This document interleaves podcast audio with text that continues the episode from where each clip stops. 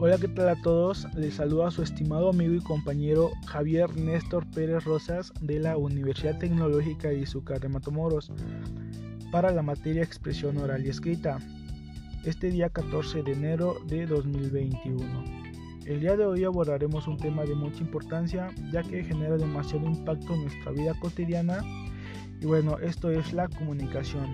La comunicación es la acción consciente de intercambiar información entre dos o más participantes con el fin de transmitir o recibir información u opiniones distintas.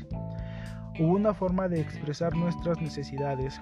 Varios autores han definido la comunicación, entre ellos citamos a tres. El Vía Ojeda, 3 de noviembre de 2020. La comunicación es diálogo permanente y activo que te permite el intercambio de ideas, conceptos, y el análisis crítico de situaciones.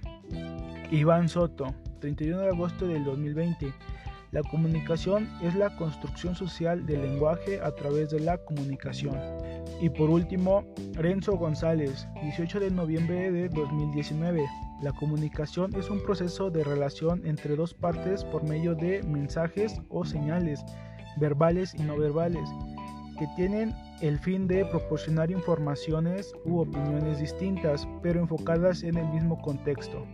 Si bien tenemos en cuenta la comunicación está presente día con día entre las relaciones de las personas y sus medios laborales y los medios de comunicación. es un proceso que consiste en la transmisión e intercambio de mensajes entre un emisor y un receptor, en este proceso, además del emisor y el receptor, participan diferentes elementos.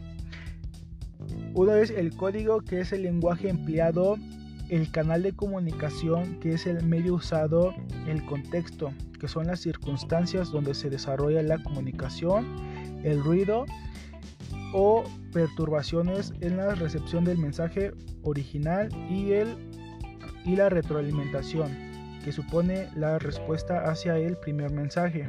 Y por último, en mi opinión personal, creo que la comunicación tanto como tiene buen uso e igual tiene un mal uso, ya que en ocasiones nos dirigimos a una persona con palabras soez. Eh, esto depende al uso que le hacemos a los elementos en base a nuestro interés. Esto ha sido todo por ahora, espero haya sido de agrado el tema de la comunicación. Hasta la próxima.